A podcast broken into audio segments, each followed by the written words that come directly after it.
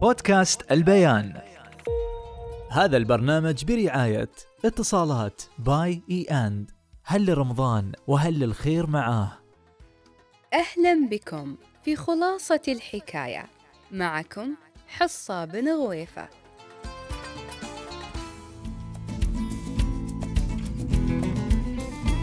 هل حدثت نفسك يوما وأنت تكتب مقالا أو مشروعا؟ أو تدون برنامج عملك على الكمبيوتر كم هو سهل وسريع ويحفظ عملك بشكل آمن في ملف على سطح المكتب أو داخل ملف خاص في أي أيقونة على الجهاز؟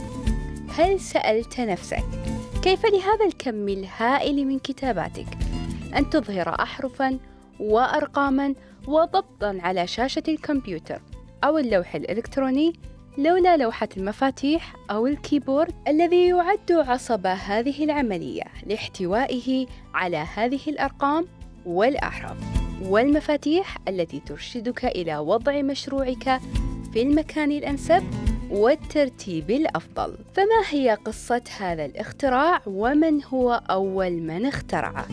تعود قصة هذا الاختراع إلى العام 1868 عندما انتهى صحفي أمريكي يدعى كريستوفر شولز إلى اختراع هذه اللوحة ليساعد في تطوير أول آلة كاتبة عملية ولكن ليس بالشكل الحالي. ذلك الاختراع كان حجر الأساس لاختراعات الكيبورد بالشكل الحالي. وصل إلى اختراعه الذي اعترف به بعد تخطيط وتصميم لشكل لوحة المفاتيح. فرتب اللوحة وفقا للأحرف الأبجدية.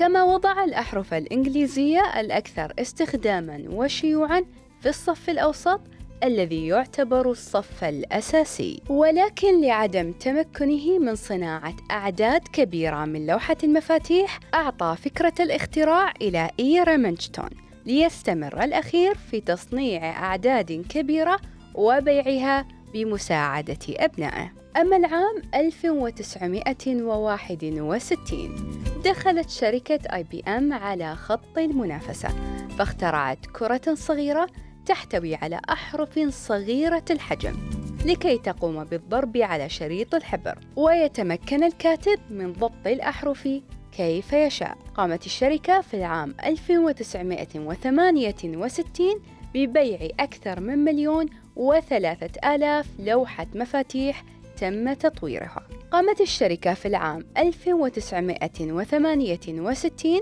ببيع أكثر من مليون وثلاثة آلاف لوحة مفاتيح تم تطويرها. قبل أن تخضع لوحة المفاتيح لكثير من التطورات والتحديثات لتصل إلى ما وصلت إليه في وقتنا الحالي.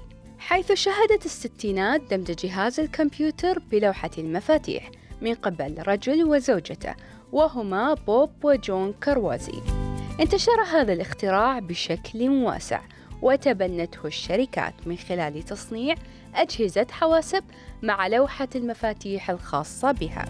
ولكن برأيكم كم كان تأثير اختراع أول لوحة مفاتيح من قبل الصحفي الأمريكي كريستوفر شولز على الثورة التكنولوجية في عالم الكمبيوتر؟